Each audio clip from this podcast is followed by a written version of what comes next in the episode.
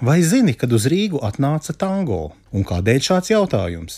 2023. gada 6. janvārī apritēja 130. gadsimta, kopš bija pasaulē nācis Oskars Stroks, pianists un populārās mūzikas komponists, kas mūsdienās sabiedrībā tiek godāts par Rīgas tango karali. Stroks zināms kā chronoloģiski pirmais komponists Latvijā, kura 1927. gadā komponētais tango Nakts Marseļā simboliski uzsāka žanra pārstāvības jaunradi pie mums. Tomēr intriģējošs ir jautājums, kad un kādos apstākļos ugunīgā Amerikas dienvidzemju dēļa un tās vokālais jeb dziesmas variants atnāca uz Rīgu.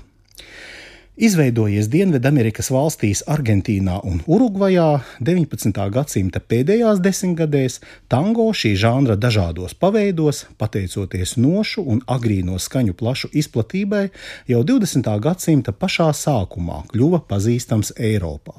Sākumā tās dienvidu un rietumu valstīs - Spānijā, Itālijā, Francijā, apvienotajā karalistē. Turklāt ātri vien tango iekaroja ne tikai visu sabiedrības slāņu sirdis, bet arī izvērtās parādībā, kas apmēram piecus gadus pirms Pirmā pasaules kara vairākās Eiropas valstīs tika dēvēta par tango māniju.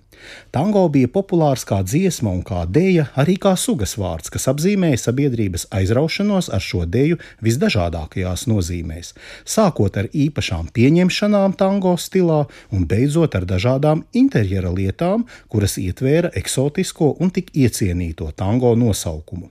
Tango popularitātes bums tolaik bija tik liels, ka vairākas kristīgās baznīcas konfesijas, kā arī citu ticību reliģiskās organizācijas gan Eiropā, gan Amerikas Savienotajās valstīs publiski aicināja atturēties no tango. Daži kaismīgākie reliģiju pārstāvi pat nekavējās teju nolādēt tango kā sabiedrības prātu pārlieku neceļos pavedinošu izklaides parādību.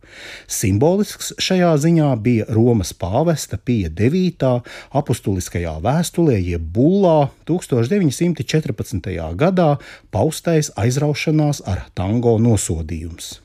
Un kā bija toreiz mūsdienu Latvijas teritorijā, Rīgā, vai tajā atbalsojās pirms Pirmā pasaules kara Eiropā uzplaukusī tango mānija?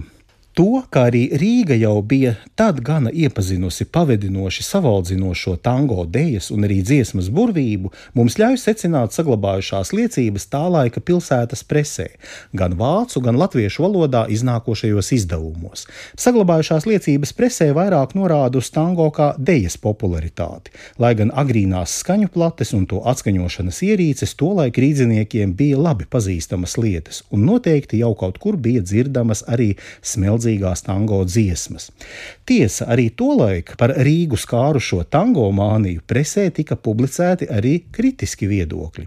Laikrakstos latviešu valodā tika paustas šaubas, vai aizraušanās ar svežzemju eksotikas saldo augli pārlieku nenovērsīs uzmanību no latviešiem un kultūrai būtiskā, arī sava nacionālā tautas tērpa, dziesmas un dēļas.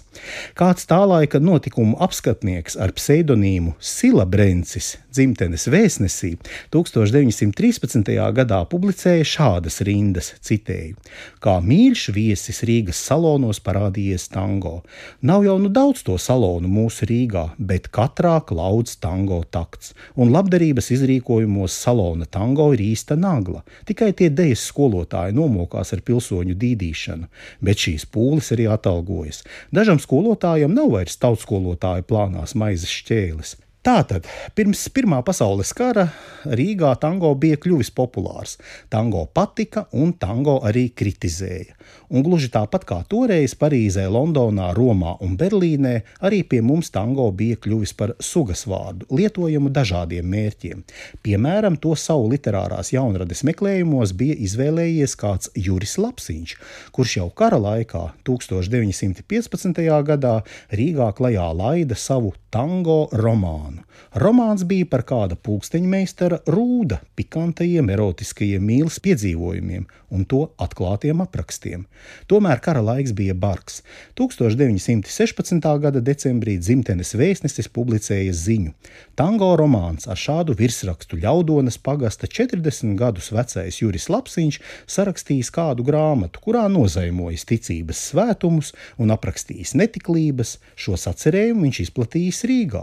Par to Rīgas apgabaltiesa tiesāja viņu 28. novembrī pie slēgtām durvīm. Viņš uzdevies tiesā par rakstnieku un zvejnieku, bet kā tad viņš nekur nav pazīstams? Spriedumu pasludināja pie atvērtām durvīm, pēc kura viņš notiesāts uz izsūtīšanu, nometināšanai, atņemot viņam tiesības un priekšrocības. Kāds bija Jūra Lapsiņa liktenis pēc soda izciešanas un Pirmā pasaules kara beigām, par to mūsdienās nav saglabājušās ziņas. Tomēr arī šis fakts apliecina, ka tango Rīgā tika iepazīts vairākus gadus pirms Pirmā pasaules kara. Pēc tā, jau nodibinoties Latvijas valstī, tango dabiski turpināja triumfēt Rīgas deju zālēs, restorānos, salonos un citās izklaides vietās. Trūka vēl tikai viena - mūsu pašu tango mūzikas autoru un 20. gadsimta 20. gadu nogalē arī šo robu beidzot aizpildīja Oskars Stroks, kurš aizsāka tango oriģinālu mūzikas radīšanas tradīciju Latvijā, kas turpinās līdz pat šodienai.